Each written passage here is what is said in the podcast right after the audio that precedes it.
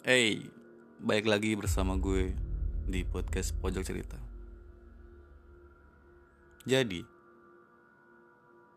jadi di episode kali ini gue mau cerita aja ya, nggak perlu bahas-bahas yang lain lah. Gue mau pengen cerita aja dikit. Cerita tentang pengalaman gue dua minggu yang lalu. Dua minggu yang lalu main ke Museum Negara Banten. Eh, Museum Negara Banten. Museum Negeri Banten. Itu ex pendopo Provinsi Banten sih sebenarnya.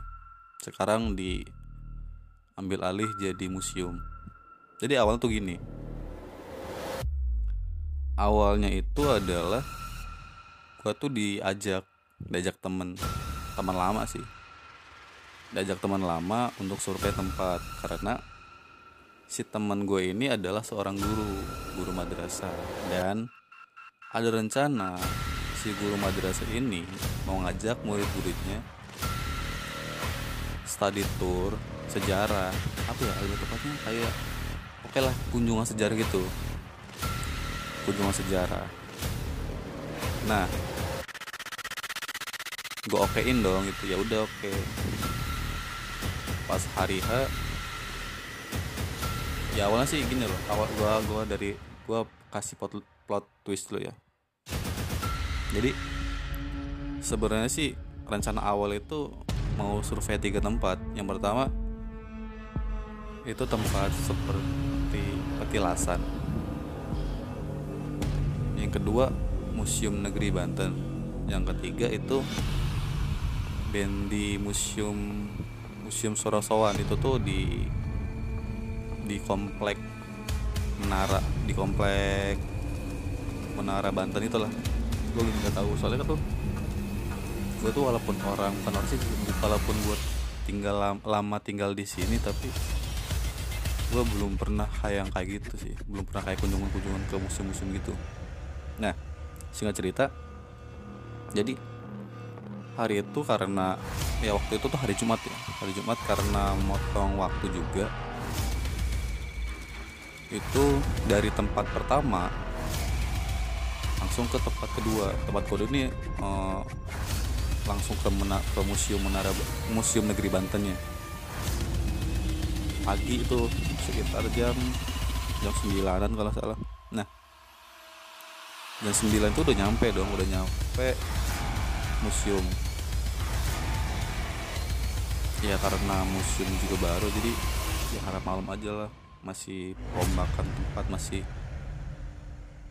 masih acak adut lah. Belum ada renovasi lain. Terus gua setelah bincang-bincang sama pihak museumnya dan ternyata nggak diizinin untuk ada kunjungan karena pandemi akhirnya kita berdua diizinkan untuk sekedar lihat-lihat isi museum khusus. Khusus karena kita hanya dua orang. Nah setelah itu setelah ya udah ya wak- waktu waktu diajak diajak masuk ke ke museum pertama ke ruangan pertama ruangan baru. Ruangan baru gue nyebutnya ruangan baru karena dulu sebelum dulu gua pernah kunjungan ke situ dan dan tepatnya tuh bukan di situ tapi di gedung utama. Di gedung utama tuh di tem di ex kantor gubernurnya ya. Nah tapi sekarang udah dipindahin ke eh, ruangan samping kiri. Samping kiri dari ya samping kiri dari pintu masuk. Kemudian gua kan gua kan orangnya nggak sensitif kan sih orangnya. Cuma si teman gua ini orangnya tuh sensitif banget. Nggak lama kemudian ketika lagi lihat-lihat tiba-tiba si teman gue tuh katanya sih lihat sih lihat sesuatu di pojok.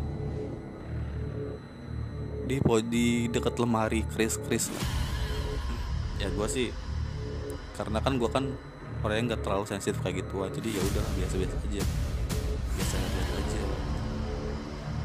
Terus di situ tuh agak lama sih. Agak lama karena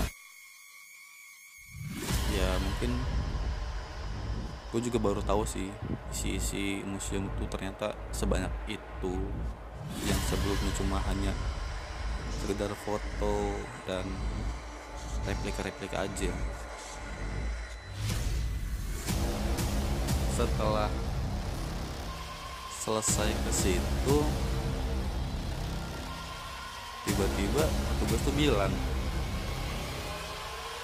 bilang gini sih sebetulnya kayak mau ke penjara Belanda enggak gua kaget dong.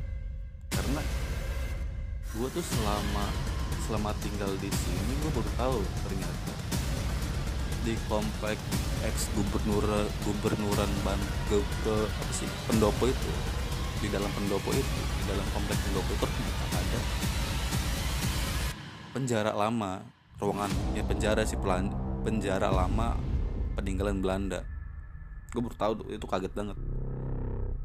Ternyata selama ini gue tuh baru ternyata selama ini gue tuh mainnya mungkin kurang jauh sampai di dalam di dalam komplek pendopo aja tuh gue baru tahu sekarang. Kalau ada kalau ada penjara itu. Nah ya karena menyingkat karena kan kita tuh karena apa sih hari Jumat juga jadi ya udah hayu-hayu aja. Oke lah hayu. Pas sampai di penjaranya diceritain kalau penjara itu umurnya lebih dari 300 tahun. Gue baru kaget gue bukan baru kaget gue udah kaget dong situ. Kaget karena tahun dong. Gue aja udah gue aja itu belum jadi apa-apa loh. Ternyata di ternyata penjara itu satu gedung satu gedung utama eh satu gedung utama ya. Satu gedung utama itu isinya meliputi penjara sama ruang ruang sidang sih ruang sidang. Eh, bukan ruang sidang pengadilan. Pengadilan Belanda zaman dulu. Jadi pintu pertama itu pengadilan. Pintu kedua itu penjara pintu ketiga itu penjara. Nah di situ itu di situ si petugas ini cerita juga kalau isi penjara itu dulunya diisi oleh ratusan orang. Dan ukuran penjara itu satu ruang itu sekitar 7 kali 7 kalau nggak salah. 7 kali 7 tingginya sekitar 8 8 meteran. Ya segitu lah pokoknya segitu segitu tingginya. Dan punya ventilasi dua doang di belakang dan di bagian pintu doang dua. Terus pintunya tuh terbuat dari pohon jati dan dilapisi sama besi tua dari zaman zaman Belanda dan sekarang masih ada. Terus penjaga eh ya penjaga itu bilang kalau dulunya penjara itu di tengahnya tuh ada ada lubang yang tembus ke kali kali Cibanten kayak gitu. Terus itu tuh udah sebenarnya udah direnovasi sih satu kali renovasi dan dulunya di tengah-tengah di tengah-tengah atap penjara itu ada satu gantungan besi dan tali besi tali tali apa ya? Bukan tali sih kayak kawat itulah kayak kawat. Itu tuh ternyata untuk tali gantung diri. Tali gantung diri tuh berguna untuk ketika narapidana itu udah apa sih ya, udah hari hanya penghukumannya yaitu hukumnya digantung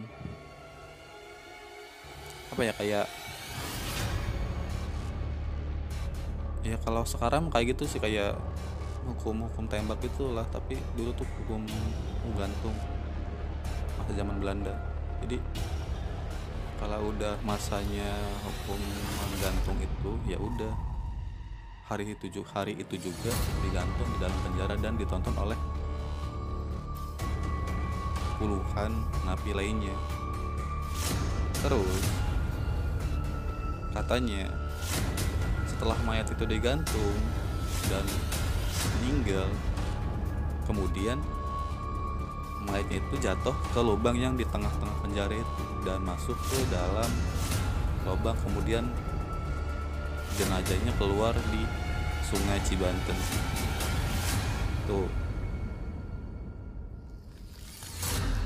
Terus ternyata yang jadi yang jadi persoalan ya bukan sih yang jadi yang jadi heran itu adalah bangunan itu udah lebih dari 300 tahun. Tetapi bau amis darah itu masih tercium sampai sekarang. Dan itu tuh katanya sih udah sering dibersihin udah sering dipel udah sering diapa-apain tapi tetap aja masih bau kayak gitu serem kan? Nggak serem sih cuma cuma creepy aja. Kemudian gue ditawarin sih. Gue tawarin untuk masuk masuk penjara itu mas. Masuk masuk mas. Nyobain. Katanya gitu kata si penjaga ini. Nah si teman gue ini udah sensitif dari awal udah sensitif dari ketika si penjaga ini ngebuka pintu penjaranya. Dan gua mulai sensitif ketika disuruh untuk masuk. Kemudian gua coba masuk dong. Gua coba masuk. Baru beberapa langkah gue tuh baru kalau nggak salah tuh baru tiga langkah aja tiga langkah masuk ke dalam penjara tuh gue tuh ngerasa ada yang ngedorong. Ngedorong tuh ngedorong nggak boleh masuk maksudnya. Jadi ada tekanan dari dalam itu ngedorong gue untuk lu nggak boleh masuk lu nggak boleh masuk gitu. Jadi apa ya feel gue tuh ngerasa kalau orang apa ya makhluk-makhluk di dalam penjara tuh nggak nerima gue untuk masuk situ. Tuh dan si teman gue tuh udah ngingetin gue sih awalnya. Kalau di jangan masuk. Ya nama juga tuh orang nama tuh kan gue tuh penasaran sama hal kayak gitu. Jadi ya udah gue coba masuk masuk. Tiba-tiba ya ujung-ujungnya gue nggak masuk masuk juga. Karena nggak kuat untuk nggak kuat untuk ngelawan ngelawan hawa itunya sih. Akhirnya gue nggak jadi masuk. Dan setelah itu ya udah dari situ kita balik lagi ke kantor dan tiba-tiba gue ngerasain ada yang nempel di badan gue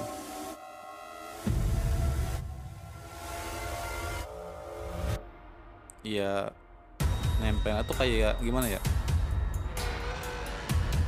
Mungkin mungkin setiap orang beda-beda sih cara ngerasain hal kayak gitu. Kalau dari gue sendiri biasanya kalau ada yang nempel tuh gue tuh muntah dulu muntah muntah dulu kayak enak enak gitu gimana gitu. Terus tiba-tiba dari situ dong gue ngerasa wah ya sih nggak ada yang beres sih nah kemudian si teman gue tuh udah bilang kan udah gue bilang jangan masuk. Lu mah bandel sih kata dia gitu. Orang tadi aja gue lihat banyak mata katanya gitu. Maksudnya tuh banyak mata tuh si teman gue tuh ngelihat dalam penjara itu banyak mata ya karena ya teman gue ini mah orang sensitif kan terus